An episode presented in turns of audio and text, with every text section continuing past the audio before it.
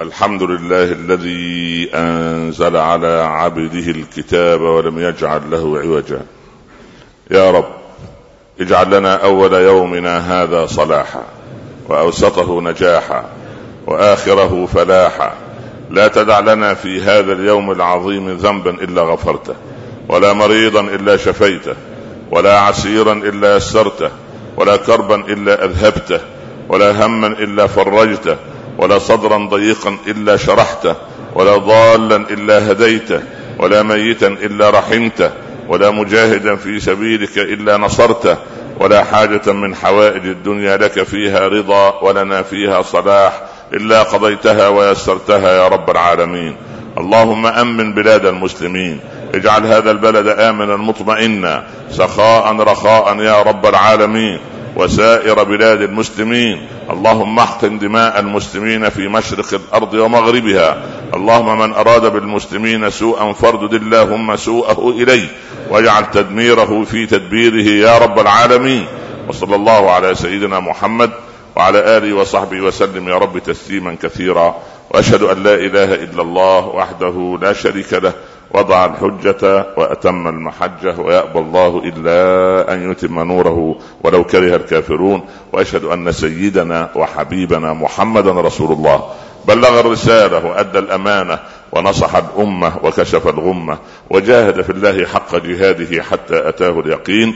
صل اللهم عليه وعلى آله وأصحابه وأزواجه وأتباعه الذين آمنوا ولم يلبسوا إيمانهم بظلم أولئك لهم الأمن وهم مهتدون. أما بعد أيها الإخوة المسلمون وقف الخليل عليه السلام يعينه ولده إسماعيل وهما يرفعان القواعد من البيت وأثناء هذا الرفع يدعوان رب العباد عز وجل ربنا واجعلنا مسلمين لك.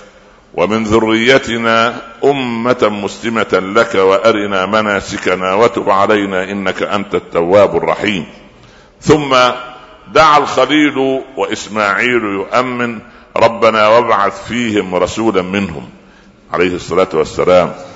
يتلو عليهم آياتك ويعلمهم الكتاب والحكمة ويزكيهم إنك أنت العزيز الحكيم. صدقت يا ربنا فيما قلت وبلغ رسولك الكريم صلى الله عليه وسلم. مهام سيدنا رسول الله صلى الله عليه وسلم حددها أبوه الصالح جده وجدنا إبراهيم الذي نحن على ملته. ربنا وابعث فيهم رسولا منهم. ما مهمته؟ يتلو عليهم آياتك. تلاوة آيات كتاب الله عز وجل. ويعلمهم الكتاب. أي تحويل هذه التلاوة إلى عمل إلى فعل. ليست كلمات تحفظ لسنا عبارة عن مسجلات نسجل الآيات في عقولنا ولا تنطلي وتنطبع في قلوبنا وجوارحنا سلوكا ومعاملة مع الخالق ومع المخلوق. ويعلمهم الكتاب والحكمة وهي سنة الحبيب صلى الله عليه وسلم. ثم المهمة الرابعة ويزكيهم. إنك أنت العزيز الحكيم. استجاب رب العباد عز وجل للرسول الكريم وولده في أن بعث فينا رسولا. لكن الله عز وجل رتب مهمة سيدنا محمد صلى الله عليه وسلم ترتيبا غير الترتيب الذي دعا به الخليل. الخليل يدعو يتلو عليهم آياتك يعلمهم الكتاب والحكمة ويزكيهم. فجعل التزكية وهي الطهارة والتطهير والتوبة والسلوكيات والتربية في المقام الرابع. يعني جعل تلاوة آيات الله رقم واحد تعليم الكتاب أي تطبيق هذه الآيات في الواقع رقم اثنين تعليم الحكمة وهي سنة الحبيب صلى الله عليه وسلم وسلوكه. المهمة الثالثة أو الترتيب الثالث ثم المهمة الرابعة التزكية وهي التربية تربية النفس. إذا برب العباد عز وجل يمن علينا بأن بعث في الأميين رسولا منهم يتلو عليهم آياتنا ويزكيهم ويعلمهم الكتاب والحكمة. فجاء الترتيب الإلهي أن الرسول صلى الله عليه وسلم يتلو علينا كتاب الله أولا فينطبع في القلوب. ثم يزكينا أي يطهرنا قبل أن ندخل على تعليم الكتاب وتعليم الحكمة لأن كثيرا من أبنائنا أبناء الكتب لما درسوا الكتاب جامدا كما هو أو حفظوه كما هو دون دراسة لتفسيره ولا لسبب نزول الآيات ولا الناسخ أو المنسوخ ولا المحكم أو المتشابه ولم ينظروا إلى الواقع الذي نعيشه عاشوا منفصلين عن المجتمع. بل إنهم عادوا المجتمع وما زالوا يعادونه حتى اليوم. فإن نظر في المسجد إلى حليق لحية كرهه. لماذا؟ لا تدري. هذا فاسق وهذا ثوبه طويل هذا متكبر وكأنما يحاسب الناس على نياتهم والنية لا يحاسب عليها إلا الله. النية لا يعلمها إلا الله. فرب العباد لفت نظر إبراهيم وأنظارنا أن مهام الدعوة المحمدية تلاوة كتاب الله ثم التربية ثم التعليم. لذلك نسعد عندما نرى وزارة التربية والتعليم. ليست وزارة التعليم والتربية. وأتمنى أن يكون في وزارات التربية والتعليم على مدار العالم الإسلامي كله أن يكون فيها تربية إن شاء الله وأن يكون فيها تعليم وما ذلك على الله بعزيز. اذا رب العباد عز وجل رتب مهام الدعوة المحمدية تلاوة كتاب الله حتى نعرف المكي والمدني والمحكم والمتشابه وحتى نعرف كيف نطبق علاقات فقه المعاملات وفقه العبادات ثم من قبل فقه التوحيد ثم تزكية النفس تربية. أنت تنظر إلى شخص رسول الله صلى الله عليه وسلم. الرسول عليه الصلاة والسلام لم يكن آية في مدينته مكة أو آية في المدينة أو آية في عصره. الرسول صلى الله عليه وسلم شخصيا وأنا العبد الفقير إلى الله أعتبره آية كونية من آيات الله. آية كونية تفردت بكل ما صنع خلق الله عز وجل من جميل. كل جميل في العالم موجود في شخص رسول الله. كل شيء عظيم خلقه رب العباد في هذا الكون فيه دفء الشمس وحرارتها. كان له دفء في تعامله مع صحابته وله دفء في احتضانه الأبوي لنا. ونحن جئنا بعده بخمسة عشر قرنا قد طال شوقي إلى أحبابي. تعجب الصحابة. قالوا أولسنا بأحبابك يا رسول الله؟ قال أنتم أصحابي. إنما أحبابي قوم آمنوا بي ولم يروني وأنا إلى لقائهم أشد شوقا. هذا دفء حنان الشمس الساطعة لقلب الحبيب صلى الله عليه وسلم. عندما يأتي يوم النحر فيذبح هديا ويقول هذا عن محمد وآله. محمد واهله أزواجه بناته. ثم يذبح الآخر. ويقول وهذا عن فقراء أمة محمد. هذا دفء هذا دفء.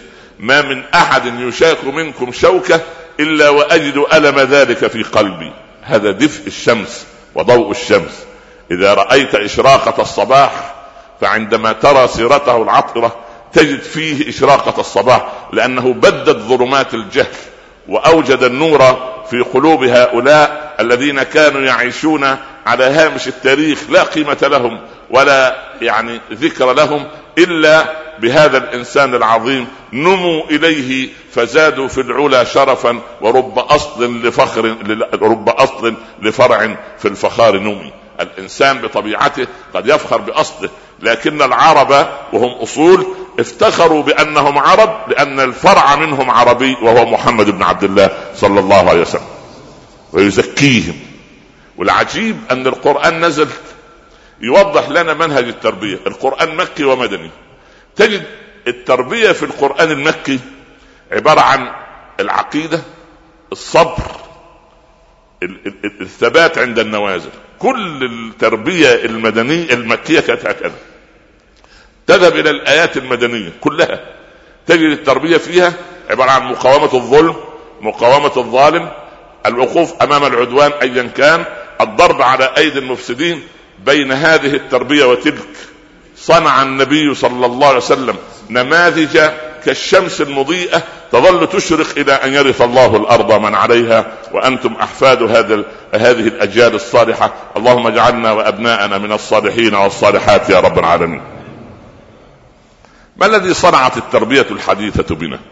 عندما تركنا تربية القرآن عندما رأينا الحبيب صلى الله عليه وسلم قدوة وهو يحفر مع الصحابة في الخندق ويقولون له يعني عندما يرونه يعمل لئن قعدنا والرسول يعمل فذاك منا العمل المضلل نكفيك يا رسول الله فيحمل التراب والأحجار معهم ويقول اللهم لا عيش إلا عيش الآخرة فاغفر للأنصار والمهاجرة. ولما خرج في غزوة وتفرق الناس وأرادوا أن يذبحوا سبحان الله لهذه السرية وهذه هذا الجيش شيئا فقال أحدهم أنا علي الذبح وقال الآخر وأنا علي السلخ وقال الثالث وأنا علي التنظيف والرابع يقول أنا علي الطهو والطبخ ويقول الحبيب صلى الله عليه وسلم وأنا علي جمع الحطب وهو أصعب مهمة في العملية كلها. الحطب أنتم أهل صحراء وتعرفون كم هو الحطب يتناثر هنا وهناك ليست غابات أو أشياء يعني يعني مزروعة هكذا وأنا علي جمع الحطب. يقولون نكفيك هذا يا رسول الله. قال إن الله يكره من من الرجل أن يتميز على إخوانه حتى أراد أحد الصحابة أن يحمل عنه شيئا. قال صاحب الشيء أولى بحمله هكذا كان قدوة في كل شيء عليه الصلاة والسلام. ماذا صنعت التربية الحديثة بنا؟ قالوا والله في تربية اسمها تربية بدنية خير وبركة. جميل التربية البدنية. كان الرسول يسابق عائشة ماذا صنعنا نحن بالتربية البدنية؟ جاءوا بكرة القدم. كان من الواجب أن يعلم أو تعلم كرة القدم أفراد الملعب التعاون. بالعكس علمتهم الأنانية وعلمت الولد أن يكون تحت الأضواء فإذا ظهرت الشهرة تابعها الانحراف وما كسبنا من التربية في كرة القدم وهذه الخزعبلات التي تحدث في المدرجات إلا صورة من صور التهلهل البعيد عن المنهج القويم السليم. بعض من التربية البدنية يربون كمال الأجسام. عجول آدمية. اعزكم الله. سبحان الله يظهر علينا بما يستر عورته فقط ويظهر هكذا كل عضلة تساوي 37 كيلو جرام لوحدها. وما, وما القوة في هذا؟ لا أدري. ما الذي قدمه للعالم؟ يريد أن يصنع هكذا ويصنع وأبناؤنا ينظرون بانبهار إلى هذا العد الآدمي. فسبحان الله وسبحان من يخلق ما لا تعلمون. سبحان الله. أمور عجيبة. نرى هذه نوع من التربية التربية الخائبة التي أخذناها من هؤلاء الغرب. ماذا صنعنا بالتربية البدنية؟ جاءوا بما يسمى بالرقص الإيقاعي. استوردناه من الغرب. معنى الرقص الإيقاعي رقص في حمامات السباحة. من؟ الراقصين. لا ليس فيه راقصين. فيه راقصات. راقصات يعني برا وبحرا. فتنزل إلى البحر إلى الماء ويرقصوا برقص ايقاعي على موسيقى معينة وتظهر ما لا يجب أن يظهر. يقولون أنتم تحاربون قيم الجمال وأنتم تحاربون قيم الثقافات سبحان الله وتنظر إلى الناس وهم يتكلمون. أقول سبحان الله أنا أقف على أقدامي؟ أم يجب أن أقف على رأسي حتى أفهم؟ هل أنا أقف بالمخلوق أم أني فقدت الذاكرة؟ يا رب إذا كانت تلك هي الدنيا فكيف الآخرة؟ سبحان الله فهذه التربية البدنية ما جاء بنتيجة لأن المعلم المربي للأسف الشديد إذا جئنا بمدرب أجنبي إذا كسب أولادنا في مباراة منهم الملتزم. فيشكر الله على هذا النصر يعني أو اسمه نصر سميه نصرا. لما هزمنا في كل الميادين جينا إلى هذا يعني خير أهو نصر اسمه نصر. فيشكر الولد الملتزم ربه المدرب الأجنبي كي يحتفل أن فريقه قد فاز يشرب الخمر. فأين التربية في سلوك المدرب؟ اذا القضية نحن ننظر إلى زوايا قد تكون مضيئة وهي عبارة عن البرق الخلب الذي يضحك علينا. سبحان الله العظيم تعالوا إلى الإسلام وكيف ربى البشر وكيف يربينا نحن. بالله عليك أنت عندما تتوضأ أليست هذه تربية؟ أنت تغسل يديك. والله يا أخي أنا أقسم أن يديك نظيفتان ما شاء الله. ما أنظف من المسلم. كل اللي في المسجد الآن أيديهم نظيفة. لماذا؟ لأن النظافة قسمان. نظافة ظاهرية وهي ما نصنعها في الوضوء.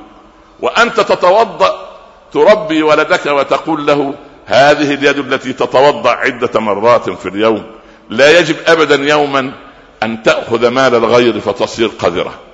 ولا أن ترتشي من الغير فتصير قذرة. ولا أن تتعطل عن العمل فتصير قذرة. ولا أن تؤذي انسانا فتصير قذرة. أو تكتب كلمة بذيئة في وسيلة إعلام فتصير قذرة. فيدك النظيفة يا بني هي التي تتوضأ بها خمس مرات فاجعلها نظيفة من أموال الناس وأعراض الناس حتى لا يحاسبك رب الناس يوم يقوم الناس لرب العالمين. اذا هذه هي تربية. عندما تتمضمض أنت ترج الماء رجا ثم تمجه مجا مع مج الماء من وتخرجه من فمك تخرج منه الغيبة والنميمة وشهادة الزور والكذب والفحش بالقول والخوض في الأعراض والتعدي على الناس بل أن تمسك لسانك عن كل من يقول لا إله إلا الله. هذه هذه المضمضة. فإذا استنشقت تذكرت عبير الجنة عندما سبحان الله التي يقول فيها صلى الله عليه وسلم إن ريحها ليشم من مسيرة خمسمائة عام. ريح الجنة سبحان الله. وكان الصحابة يجلسون مع النبي صلى الله عليه وسلم فيشمون الريح الطيب وكأنهم يتنعمون في الجنة. قال ابن عباس ما دخلت في الحواميم وهي السور التي تبدأ بحميم إلا إلا وشعرت أنني في رياض أتأنق فيهن. كان يسير في بساتين ينظر إلى هذه ثمرة وهذه تفاحة وهذه خوخ وهذه وهذه وردة جميلة وهذه وردة صفراء وهذه وردة حمراء. انظر إلى ابن عباس عندما يقرأ القرآن يشعر أنه في رياض من رياض الجنة. فإذا غسلت وجهك قلت هذا محط نظر المخلوق. هذا الوجه فيه عينان ولسان وشفتين وأذنين. التربية في هذا أن العينين لا تنظر بهما إلا إلى ما أحل الله. ثم غض بصرك هذا عن عيوب الناس وعن عورات الناس. لا تكن فضوليا بعينك. عندئذ استنشق ريح الطاعة. اسمع ما يلذ لك فيما يوضع لك في ميزان حسنات من قرآن وذكر وعلم نافع لك اولا وللوطن بعد ذلك. ثم فمك هذا رب العباد جعل عليه شفتين كي تغلقهما عندما يريد لسانك أن ينطق بالبذاءة فهذه تربية الوجه. فإذا غسلت ذراعك الأيمن قل هذا ساعد بنى الكعبة إبراهيم به وإسماعيل. والساعد الذي يبني لا يهدم ابدا. الساعد الذي يقدم لا يهدم مجتمعا. إن اليد التي تعمل هي اليد التي يحبها الله ورسوله واعملوا آل داود شكرا وقليل من عبادي الشكور. سبحان الله. فإذا غسلت فإذا مسحت رأسك هذه تربية أن تضع كل الناس على رأسك. الأم الأب المعلم الذي علمنا الذي له فضل علينا. هؤلاء يجب أن نجلهم يجب أن نحترمهم. فإذا غسلت قدمي اليمنى وقدمي اليسرى فهذه القدم لا تذهب إلا إلى مكان لو صاحبني فيه رسول الله صلى الله عليه وسلم لسار معي. ولو صاحبني فيه إبليس ما صاحبني وما ذهب معي. أما أن أذهب بقدمي لو صاحبني النبي فيه ما ذهب معي عندئذ هذه تربية القدم. اذا الوضوء تربية الصلاة تربية الصيام من الذي من الذي يراقبك طوال اليوم وأنت أمامك الطعام والشراب إلا رب العالمين سبحانه وتعالى يقول لعلكم تتقون. التقوى هي ألا يراك في مكان سبحان الله أمرك أن تجتنبه ولا يفتقدك عندما أمرك أن تعمر بيوت الله ومجالس العلم. الحج تربية الزكاة تربية. اذا الإسلام رب الناس تربية صالحة. تعالوا إلى أبنائنا. لماذا لا نشكل في بلادنا العربية والإسلامية وزارات التربية والتعليم خبراء التربية مع خبراء علم النفس مع خبراء علم الاجتماع مع خبراء الدعوة مع خبراء الإنسانيات مع خبراء في شتى التخصصات؟ ناتي للأولاد بعد الصف السادس وتنعقد لجنة في كل إدارة تعليمية. الولد قبل أن يذهب إلى الصف السابع قبل أن يدخل في سن المراهقة تمكث اللجنة تجلس مع الولد أو البنت ويرى ميوله ويرى أهدافه. لماذا نصر كآباء؟ الولد متعثر في الدراسة. وصل إلى الثانوية العامة وما زال متعثرا. دروس خصوصية ما هي نافعة. شرح الأب والأم غير نافع. التوصية في المدرسة غير نافع. لماذا تجبر الولد على دراسة شيء لا يستطيع لماذا لا نحوله إلى حرفة؟ يعني لماذا كلنا يجب أن نكون جامعيين؟ يجب أبنائنا جميعا أن يكونوا أطباء ومهندسين. والنتيجة؟ غثاء كغثاء السيل. قال المثل العربي العامي ما دام انت امير وأنا امير من يسوق الحمير؟ ما لازم في حد يسوق الحمير فينا.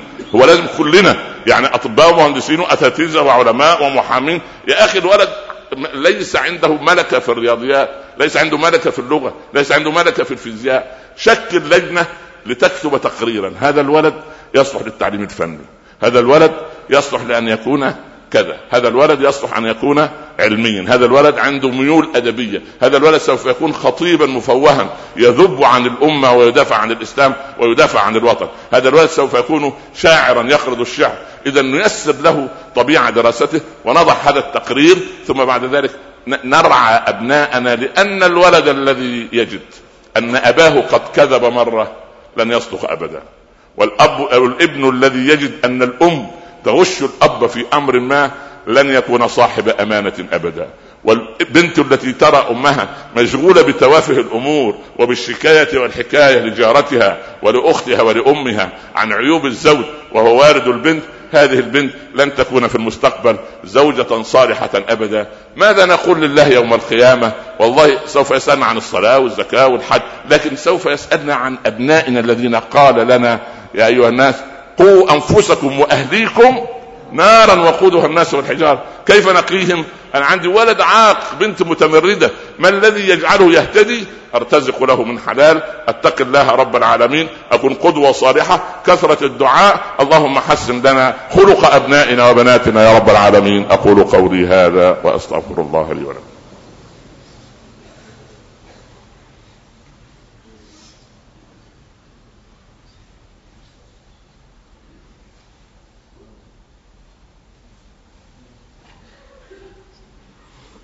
أحمد الله رب العالمين وأصلي وأسلم على سيدنا رسول الله صلى الله عليه وسلم أما بعد أحبتي في الله.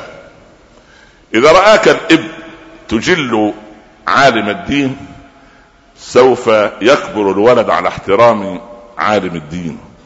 إذا رآك ولدك وأنت تقبل رأس أبيك ويد أمك سوف يصنع ما صنعت في أبيك وأمك بروا آباءكم تبركم أبناءكم. أسأل تلاميذ أو طالبات مدرسة بالأمس من منكن يا بناتي يقبل رأس أمه وأبيه قبل أن ينام ويسأل الأب والأم يا أمي هل أنت راضية عني؟ يا أبي هل أنت راض عني؟ قلت من يصنع هذا منكن يرفع الأيدي. رفعت ثلاث بنيات فقط الأيدي سبحان الله والباقيات متمردات من الصغر على الأب والأم لانها ما وجدت أما تقبل جدتها. وجدت الأم تعلو بصوتها على أبيها. وجدت ال ال ال ال ال الأب لا يحترم أباه ولا يجله ولا يوقره. ولذلك ما زرعناه سوف نحصده. سوف يسألنا رب العباد عز وجل أبناؤنا هؤلاء ماذا سوف يقدمون للمجتمع؟ ونحن نقدم لهم أسوة سيئة وقدوة سيئة. هذه القضية أنك جئت له بأجمل ثوب لأنه ماركة معينة وجيت له بأفضل سيارة لأنها من طراز معين وادخلته أحسن جامعة ثم بعد ذلك. الخواء الروحي الذي عند الولد والبنت نتيجة عدم وجود القدوة في السلوك. سبحان الله العظيم. هذه القدوة يجب أن نراعيها. إنني أذكركم بهذه القصة العجيبة. كان فيه أم لم تنجب إلا ولدا. الولد وصل تسع سنوات. خافت الأم أن الولد بدأ يكبر. ولم يحفظ القرآن بعد. وبعدين ذهب قالت له اذهب إلى الشيخ فلان في القرية المجاورة. بين هذه القرية والقرية ما يقرب من عشرة كيلو مترات قل له أمي تقول لك حفظني القرآن. ذهب الولد مطيعا لأمه ليحفظ القرآن وأسوأ شيء عند أبنائنا الآن حفظ القرآن ومدرس النحو والصرف ومدرس اللغة العربية. أسوأ ما يرى الولد في كابوس في الحلم لو جاء مدرس لغه عربية لولدنا في الرؤيا لقام منفزعا. لماذا لا أدري؟ سبحان الله. من حب الولد والولد لو جاء الرجل الانجليزي البريطاني يستطيع ابننا في الصف العاشر يميز ما بين اللهجة الأيرلندية واللهجة الإنجليزية البريطانية واللهجة الإنجليزية اللهجة الإنجليزية الأمريكية. يقول لا لا لا هذا هذا إنجليزي استرالي وهذا إنجليزي سبحان الله بريطاني وهذا إنجليزي سبحان الله لكن لو قلت له كلمة فيها رفع ونصب وجر نسأل الله ان ان ان أن يرفعنا من هذه الدنيا مسلمين. سبحان الله يا رب العالمين. ذهب الولد للشيخ. إن أمي تقول لك حفظني القرآن. كان حرص الآباء والأمهات على طعام مهم. حفظ القرآن يحفظ الولد. ف وكان شيوخنا رحمهم الله جميعا بعد أن حفظونا القرآن صغارا كان يقول يا بني راجع في خمس كي لا تنس. راجع القرآن في خمسة أيام خشيه أن تنساه. فكانت مهمة التلميذ فينا أن يتفرغ من دروسه وأن يستذكر ويلحق أن يراجع ستة أجزاء حتى لا ينسى لأنه يظن أن هذا حديث عن الرسول صلى الله عليه وسلم. لأن كان كلام من الشيوخ والعلماء جزاهم الله عنا كل الخير. لكن المهم ذهب الولد فقال له الشيخ إن الحلقة ممتلئة ولك أحد أمرين. إما أن تتربص أو تأتينا بجنيه من الذهب حتى نؤجر به من يرعى الأغنام التي نحلب لبانها ويشرب منها التلاميذ الجالسين في الحلقة. قال الولد أنا اولا لا أستطيع أن أرعى الأغنام لأن قريتي ليس فيها أغنام ولا أدري هذه الصناعة. طيب والجنيه الذهب؟ قال الجنيه الذهب لم يره أحد من سكان قريتي منذ أن ولد جدي أساسا. ما عندنا يعني إيه جنيه ذهب يعني إيه جنيه أسلم؟ آه. قال له يا بني هذا عاد الولد كاسف البال دخل عليه الليل فحصن نفسه وجلس تحت شجرة ونام. فلما نام هذه قصة حقيقية. رأى في الرؤيا رسول الله صلى الله عليه وسلم. قال له يا ولدي قم وعد إلى الشيخ وقل له إن الرسول يقول لك حفظني القرآن. قال الغلام يا رسول الله قد يكذبني ويقول أنني اخترعت هذه الرؤيا وأنني أدعي بهذه الرؤيا كي أدخل في الحلقة. قال أعطني يا رسول الله أمارة. الولد نابه عايز أمارة علامة يعرف الشيخ أن هذه الرؤيا صادقة. قال لو قل له الرسول يقول لك بأمارة زمرا زمرا. فذهب الولد عاد على أذان الفجر. الشيخ خارج من البيت لصلاة الفجر. قال يا بني هل ماذا صنعت؟ قال إن الرسول صلى الله عليه وسلم يقول لك حفظني القرآن. فضحك الشيخ يعني يعني سبحان الله. قال له بأمارة زمرا زمرا. الشيخ ارتبك. فأخذ الولد لصلاه الفجر وعاد بي بعد ذلك قدم له طعام الإفطار وقال ادخل في الحلقة. قال كيف؟ أليست الحلقة ممتلئة؟ وأنا سبحان الله والله لا أدخل الحلقة حتى أعرف سر زمرا زمرا. عزة الإسلام وعزه الرؤيا الصالحة. قال له يا بني في الجمعة الماضية رأيت النبي صلى الله عليه وسلم في الرؤيا فقلت له يا رسول الله أهل القرآن كيف يدخلون الجنة؟ قال عليه الصلاة والسلام زمرا زمرا. اللهم أصلح لنا أبناءنا وبناتنا. اللهم ربهم لنا على الكتاب والسنة. اللهم أقمهم وإيانا على طريقك القويم. واختم لنا منك بخاتمة السعادة أجمعين. ارزق بناتنا بأزواج صالحين وأبناءنا بزوجات صالحات. وفق الصالحين للصالحات بعضهم لبعض يا رب العالمين. ارقى دماء المسلمين أصلح بين الراعي والرعية. اللهم ول أمورنا خيارنا لا تولي أمورنا شرارنا. أصلح يا رب أحوالنا. اجعل هذا البلد آمنا مطمئنا. وسائر بلاد المسلمين سخاء رخاء يا رب العالمين. واختم لنا منك بخاتمة السعادة أجمعين. وصلى الله على سيدنا محمد وآله وصحبه وسلم يا رب تسليما كثيرا. بسم الله الرحمن الرحيم والعصر. إن الإنسان لفي خسر إلا الذين آمنوا وعملوا الصالحات وتواصوا بالحق وتواصوا بالصبر. نكمل حديثنا بعد الصلاة إن شاء الله. لا تنسوا درس الاثنين إن شاء الله بعد صلاة العشاء هنا. بإذن الله وأعتذر منكم الجمعة القادمة إن شاء الله. وأقم الصلاة. قوموا إلى صلاتكم. يرحمكم الله. أحمد الله رب العالمين وأصلي وأسلم على سيدنا رسول الله صلى الله عليه وسلم. أما بعد.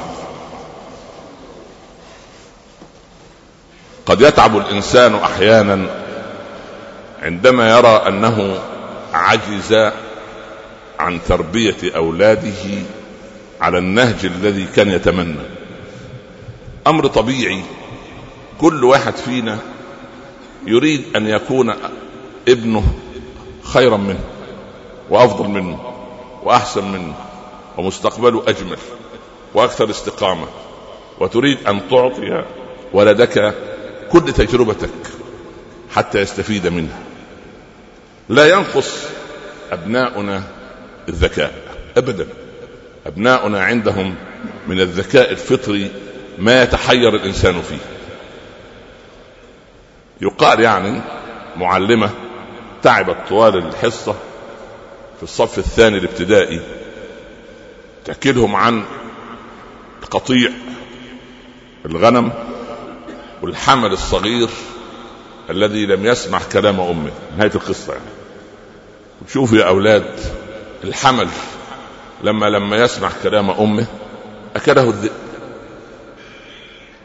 ماذا يرد الولد؟ زي أولادكم الأذكياء كده ما شاء الله. قال بس الحمل اللي سمع كلام أمه أكلناه إحنا. سبحان لا حول ولا قوة إلا بالله. يعني كلاهما محكوم عليه. إما أن يأكله الذئب صغيرا أو يأكله الذئب البشري كبيرا. لا إله إلا أنت سبحانك ورغم هذا يجب أن توظف هذا الذكاء لمساره الصحيح أنت لما يقبض على لص ويقص لك كيف كان يسرق الناس تتعجب من الذكاء يا أخي يقول يا الله لو أن هذا الذكي كان رئيس مجلس الإدارة ده كان يعمل في المؤسسة إيه؟ كان يعني لا مش يسرقها يعني كان يعني لو لو استخدمها في الخير يعني لو استخدم هذا الذكاء في الخير كان خلى المؤسسة دي أفضل المؤسسات صح ولا لا؟ ولو أن هذا الإنسان الذي راعى أبوه وهو صغير أنه ليس له في الطب نصيب. كانش يدخله كلية الطب. كل ما يعمل عملية الواحد البقاء لله. كل ما يعمل عملية الواحد أجرني. كل ما يعمل عملية الواحد لا حول ولا قوة إلا بالله.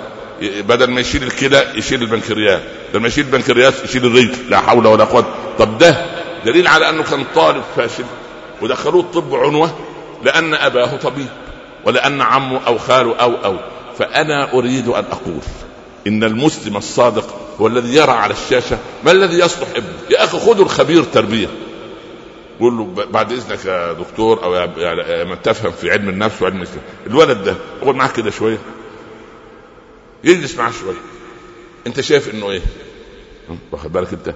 فيستطيع أن يعينك. اذهب إلى اداره المدرسة. اجلس مع يوم الأباء يا أخي الإدارات تشكو منا أن أولياء الأمور لا يرونهم طوال السنة. عمر ما إدارة المدرسة وجدت اجتماع مجلس الأباء وأنت موجود. كل تعمله؟ تقول لهم روح أنت. أنا هروح يعني أسمع لي كلمتين ابنك فاشل في الرياضيات وفاشل في البتاع ف... طب وأنت هل هذا علاج للفشل؟ هروبك. دليل أنك لا تتحمل المسؤولية. يا أخي إذا طالما أنك ذهبت بي إلى المدرسة كمل المشوار معاه. هذه التربية. سبحان الله العظيم. التربية تحتاج إلى فهم لطبيعة الولد وطبيعة البنت. أنا عايزك تراقب الولد وهو صغير. يكون عندك توأمين في سن ثلاث سنوات أو أربعة. وتفاجأ بالآتي. واحد منهم يحب أن يخبئ لعبه. ويخبئ الأشياء التي معه. ويحتفظ بالدرهم والجنيه دون أن يريه للآخر. والولد الثاني عنده كرم. يريد أن أخاه يلعب معه. يريد أن يقدم له ما عنده. والأم تنظر إلى الولد المتعب هذا تقول لا إله إلا الله. عمه الكبير بالضبط. لا حول ولا قوة إلا بالله. إن لله هل هذه تنفع بالتربية؟ هي عايزة تتربى أصلا. دي ناقصة تربية في بيت أبوها. لازم نجيبها نربيها الأول وبعدين نزوجها. سبحان الله. فالأب أو الزوج هو أصلا ملكاته غير طيبة. يقول يعني ما أخوه الثاني الخيبان ده ما هو لا إله إلا الله أو البنت الغبية دي يعني. وما جدتها عنها ببعيد. لا حول ولا قوة إلا بالله. والناس تسمع غيبة ونميمة. يطلع الولد. فاشل بين طرفين فاشلين. غير مكملا متنافرين. عامل زي إيه؟ الاقطاب المتشابهة. إحنا عايزين اقطاب مختلفة. الموجب يجي مع السالب يستوي يعمل الشحنه إحنا عايزين شحنات إيجابية. فانظر إلى الولد. هتجد ولد أناني أو بنت أنانية. الله يرضى عنك. ركز معه. اسأل الشيخ اسأل عالم النفس اسأل عالم الاجتماع اسأل الخبير في الشؤون التربوية في الشؤون السلوكية. قول له كيف أعلم الولد الا يكون أناني؟ قول له شوف خده معاك إلى دار أيتام. وخلي في جيبه عدة دراهم. قول له شوف أبوه هذا مات في حادثة. والولد الثاني ده أبوه يعني لم يرى الولد النور كان في بطن أمه وابوه مات أو أمه. فأنت خذ معك هدية من مصروف الولد. يتعود الولد أن إيه يرى من هو أقل منه. يقول شوف أنت عايش في بيت بين أب وأم. الولد هذا عايش في دور الرعاية. وله مديرة الله أعلم هي رحيمة بي ولا غير رحيمة. وله مربية الله أعلم يعني بهذا المنطق. فالولد يبتدي يستشعر أن الله أنعم عليه. يبدأ يعطي. ربما يوما ما سوف يأتيك يوما يقول يا أبي أنا قد اختزنت مبلغ ما من مصروفي وسوف إن شاء الله رب العالمين اعطيه إذا أنت نزعت منه حب الإيه؟ مسألة الأنانية. أنا عايزك تجيب له أحد الحاجات المصورة في مثلا في غزة في أفغانستان والأطفال أو في في أفريقيا حيث المجاعات يقول له شوف الولد هذا أهو مسلم زيك. نشوف يعني الضلوع بتاع عظامه تظهر خارج لحمه. عارف ليه؟ لا يجد لا لحم ولا دجاج ولا سمك ولا بيض ولا لبن ولا ولا ولا مدرسة. يقول لك يا الله معقول في حد ضايع؟ شو أنت زعلان أو غضبان مننا إن إحنا ما جبنا لك كذا واشترينا يستشعر الولد نعمة الله عليه يبتدي يتحرك من مسألة الأنانية. ولذلك لما جاء بعض من الصحابة للنبي صلى الله عليه وسلم دخلوا عليه تباعا. كان السؤال واحد عظني يا رسول الله. فالرسول نظر كده إلى أول واحد قال له لا تغضب. الثاني ماذا قال له؟ قال له بر والديك. الثالث قال له ألق السلام على من عرفت وعلى من لم تعرف. سبحان الله. ليه الثلاثة دول اختلف مع ان السؤال واحد. وجد في الأول طبيعة غضب. أنا يدخل علي في المكتب إنسان أول ما أنظر في وجهه. أسأل الله الرحمة من الرحمن الرحيم. وجهه ده داخل مبتسم خلي بالك. وهو في أحلى حالاته. أقول يا الله أمال ده في بيت؟ ما أنت تقرأ الوجه. تقرأ الوجه. قاعد مغضب. لا يذكر من الأشياء إلا أسوأها. وصوته مرتفع وكلماته نارية ويحكم على الناس أحكام نهائية وكأنه معه الحق المطلق ومع الآخر الباطل المطلق. هذا إنسان لو لو لو أن في غضبه يعني سبحان الله خير لما كانت هذه المشكلة. فالرسول صلى الله عليه وسلم لاحظ أن هذا الرجل عنده حالة غضب. بيغضب بسرعة. قالوا لا تغضب علاجك. هتهدى أنت كريم وقلبك طيب ولكن الغضب ضيع كل الخيرات اللي عندك. وابن عباس دخل عليه رجل قال يا ابن عباس هل للقاتل توبة؟ فابن عباس نظر في وجه الرجل قال له لا ليس للقاتل توبة. لما خرج مريدين ابن عباس مؤدبين لما ترك السائر المكان قال يا ابن عباس أفتيت البارحة رجلا عندما سالك هل للقاتل توبة؟ خبرته وقلت له إن للقاتل توبة. تيجي اليوم تقول للرجل ليس للقاتل توبة؟ يقول ابن عباس شوف رؤية العالم تلميذ رسول الله صلى الله عليه وسلم.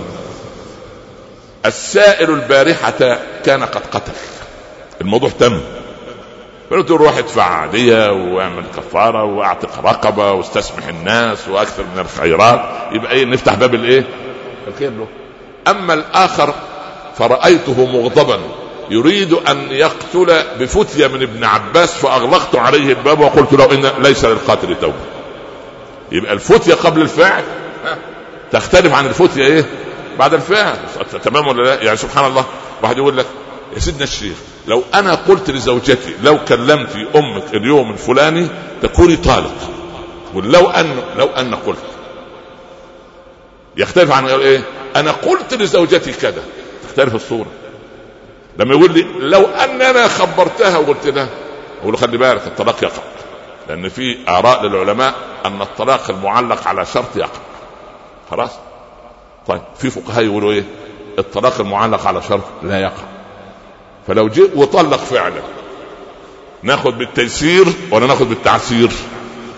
ما خير الرسول بين أمرين؟ يبقى ما فيش فتوى للكل. ما فيش فتوى تطلع على الفضائية وراح الراجل يروح معطي فتوى يضيعنا كلنا. ما ينفعش. لازم أعرف حال من يسأل. اللي بيسأل ده شكله صالح. شكله طالح اللي بتسأل دي منتقبة محجبة ولا نسيت أن تلبس وهي خارجة؟ يعني تختلف الصورة. دي تسأل عن إيه؟ وتسال عن إيه؟ السائل يحدد مدار الإجابة. الفتية قد تكون واحدة ولكن تختلف. الصورة تختلف قصصت لكم من قبل عن عمر رضي الله عنه بن عبد العزيز لما قبل في المدينة وهو أمير لها شهادة المدعي بشاهد واحد يقبل الدعوة بشاهد واحد الدعوه تقبل بإيه؟ بشاهد عدل يقول له أين شاهدك الثاني؟ يقول له أقسم يا أيها الأمير أنا أقسم أن كلامي إيه؟ صادق يقبل شهادته بشاهد بدعواه يقبل دعواه بشاهد وإيه؟ وقسم. صار عمر بن عبد العزيز أمير للمؤمنين انتقل للعاصمة في دمشق. يأتيه صاحب الدعوة. دعوة يا أمير المؤمنين أين شاهداك؟ يقول له ليس معي إلا شاهد واحد. يقول له وأين الثاني؟ يقول له أقسم. يقول له لا يصلح. الرجل عارف عمر وعارف سيرته. له كنت تقبلها بالمدينة. وانت أنا عشان ما كبرت علينا وجيت بقيت أمير مؤمنين ومسكت الإدارة كلها. قال له أهل المدينة غير أهل الشام. أهل المدينة دول شافوا التابع التابعين والتابعين وتابع وشافوا والتابعين شافوا الصحابة والصحابة شافوا الرسول صلى الله عليه وسلم. فلسه الحكاية لسه على إيه؟ ما عملتش مئة ألف. فالسيارة زي ما هي. مش خلاص خربت وراحت الوكالة عشرين مرة وصارت في كهنت في في المخازن؟ لا لسه الناس كما هم كانوا يدخلون إلى المدينة ويقولون من رأى رسول الله صلى الله عليه وسلم؟ حد من الصحابة لسه عايش؟ ولا فلان؟ يروحون جاء زمن من منكم رأى من رأى رسول الله؟ والله الحسن البصري وسعيد بن المسيب وعطاء بن رباح يذهبوا إيه؟ يجلسوا معاهم ويقول يا سلام يعني شفت الصحابة؟ شفت من منهم؟ يا الله شفت أبو بكر شخصيا؟ وجها لوجه. كان كيف شكله وكان يتكلم كده؟ طب وعمر بن الخطاب انه كان يقف كده كنت تخاف؟ سبحان الله. ثم يدخل هل منكم من رأى من رأى من رأى صحابة رسول الله صلى الله عليه وسلم؟ هذا. شوف يتلمسوا الخير في إيه؟ في من رأى. لأن الرؤية دي مهمة. ليه؟ لأن تنطبع سلوكيات المتحدث. لأن يا أخي الواحد مننا يجب أن يكون قدوة ولا يتكلم كلاما ويطبق إيه؟ كلاما آخر. فأنا أريد أن أقول إن التربية في الإسلام مهمة لأن تنظر أنت إلى الولد وتستطيع أن ترى. تجد أن فيه بنت من صغرها مهملة لا ترتب غرفتها مع أن أختها الأصغر ما شاء الله ترتيب الغرفة سماع الأمر أدب تواضع صوت منخفض والبنت الثانية والعياذ بالله حريق في البيت. إذا نامت سجد الجميع شكرا لله. الله والحمد لله. الفتنة نائمة. أحد الله من أيقظ. ففي ناس كده في. هذه البنت تحتاج منك وأمها إلى رعاية. كيف يعني؟ يا بنتي تعالي أنت سوف تصيري زوجه إحنا نقبلك لأن إحنا أبوك وأمك. لما تروح البيت الغريب لن يقبل الزوج هذا. صح ولا لا؟ مش الأخوات أو الإخوة بيتناقلوا رسائل طيبة يقولوا أن للبنات يعني أو المتزوجات. يقولوا خلي بالك يا بنت أبوك لما يراك تشاهدي برنامج معين يقعد يشاهد معك لأنه أب. زوجك لو دخل ولقيت تشاهد معك يغير الإيه؟ بتاعه إحنا عايزين قناة الأخبار عايزين المصايب والبلاء عايزين مش عايز هو يشارك هذا الإيه؟ هذا الحدث سبحان الله. إذا رأى أبوك الاب البنت شعرها كده مصفف في البيت يقول لا قوة إلا بالله. إحنا إيه ما شاء الله؟ ربنا رزقنا بملائكة يمشون مطمئنين على الأرض. الله أكبر. زوجها لو شاف منها شعرها. في إيه الهباب اللي أنت عاملاه لا إله إلا الله. هو واخد موقف من الأول. في فرق بين رحمة الأب ونقد الزوج صح ولا لا؟ ازواج مش أنتم لا مش أنتم لا ده في بلد آخر سبحان الله. بلد غير عربي سبحان الله. يتكلمون اللغة السواحلية. ما علينا. ده انت ما شاء الله عليك. هو في شكوى بتجيني يعني منك من زوجتك عليك. ابدا سبحان الله. أنت لو تعرف اللي بيقال عليك نسأل الله السلامة لنا ولك. سبحان الله أنت اسأل الله الرحمة سبحان الله. أن تخرج منها مسلما موحدا. لا إله إلا الله. سبحان الله. يا رجل يا طيب واحد مسك يدي في الأول أمس. بالله عليك يا شيخ. ما عندكوش في عقود الزواج. تعملوا لنا عقد ينتهي بمدة الصلاحية. يا ابن عقد إيه اللي ينتهي بمدة الصلاحية. يا سيارة. سبحان الله. عايز في الفقه عقد محدد. لا إله إلا أنت. يقول يا شيخ 30 سنة. 30 سنة. أنا عشت في بيت أبوي أقل من 30 سنة. يا شيخ شوفوا لنا حل. طب ده ده ده ده تحلها له إزاي دي؟ قلت يا راجل حل عننا لا إله إلا الله. حول ولا قوة إلا بالله. المهم يعني ما انت بتسمع العجب يعني ما تصلوا على رسول الله صلى الله عليه وسلم. النفوس الإنسانية ليست نفسا واحدة. ابدا. والله عز وجل عندما ربانا على موائد كرمه وأرسل لنا خير خلقه صلى الله عليه وسلم ترك لنا مسألة التربية وأولها أن نكون قدوة. أول شيء في التربية أن أكون قدوة. الأب الصوت المنخفض الأم طاعة الأب وطاعة الزوج والصوت النقاش الهادئ. هكذا يطلع أولادنا ما عندهمش حالة عصبية. ثبت علميا أن الأبناء الجنين يولد من الأم العصبية عصبي. عصبي. حتى الجدات زمان كانت توصي بنتها يا بنتي لا ترضعي ولدك وأنت في حالة عصبية. لأن يعني الولد في هذا يرضع لبن فيه غضب. حليب فيه غضب. مش حليب هادئ. زمان كان اللبن اللي في صدر أمي وأمك رحمة الله على الجميع كان لبن نقي 100% لأن لبن الأم معقم. لبن أمهات 2011 غير معقم. ليه؟ مش عشان أمهات ولا؟ لا التلوث الموجود هم يأكلون مأكولات فيها هرمونات وفيها بلاء وفيها مبيدات وفيها مصائب. علاوة على مبيدات الغضب ومبيدات البخل ومبيدات وكيمياء التوتر العصبي. كل ده يدخل على لبن يطلع الولد لا إله إلا الله من صغره لا يقبل كبيرا ولا يحترم كبيرا. ليه؟ بهذا المنطق. الولد سبحان الله كان يشرب لبنا معقما أصبح الآن يرضع لبان الغضب ولبان الحقد والكلام عن الآخرين سبحان الله. وذاكرة الطفل تبدأ في تركيز المعلومات منذ أن كان جنينا في بطن أمه. فكل الخناقات اللي بين الأب والأم تترسم في ذاكرته يطلع الولد عنده خلل. خلل. ولذلك الصالحون من عباد الله كانت الأم هي حامل تراجع ما تحفظ من القرآن بصوت فتقول خادمتها لمن تقرأين تقول لولد الذي في بطنه. الله. مش يسمع هذه أغنية خليك تهز من أولها. ينزل هذا إيه؟ يعمل زلزال يرقص البنت بسبعه بكسر اختر. لا إله إلا الله. بنت لقيها لا إله إلا الناس ده لا حول ولا قوة إلا بالله عليك لو عندك بنت عندها سنة ونصف. شغل لها موسيقى بس. تجد البنت كل عضو من أعضائها في في في, في, في منطقة. حول ولا جابت منين دي؟ هي بالفطره ما فيش رقص بالفطرة. ده رقص بالبيئة. سبحان الله. البيئة تتراقص. فنحن نريد أن نحمي أبناء. شوف قلت لك من سنوات أنا غير مكلف ولا أنت بقتل ميكروبات الانحراف ولا جراثيم البعد عن الله. دي مش شغلتك ولا شغلتي. مهمتنا أن نقوي أجهزة المناعة الإيمانية في قلوبنا. نقوي أجهزة المناعة الإيمانية لداخلنا بأن نأكل الحلال وأن نتقي الله وأن نراقبه وأن نحسن معاملات بعضنا مع بعض وأن يصدق الواحد منا ولا نتهم مليار وخمسمائة مليون ولا أتهم نفسي ليبدأ كل واحد منا باتهام نفسه. ولا يظن أن مشكلته هي المشكلة العالمية الوحيدة التي تسد الشمس. لا. يا أخي مشاكل الناس كثيرة ولو عرضت عليك مشاكل والله يا مؤمن لو جيت قعدت معي ساعتين في المكتب أو في البيت أو على الهاتف وتسمع مشاكل الناس تقول الحمد لله الذي عافانا. سبحان الله العظيم. يعني الراجل لا إله إلا الله الزوجة جاية تشتكي.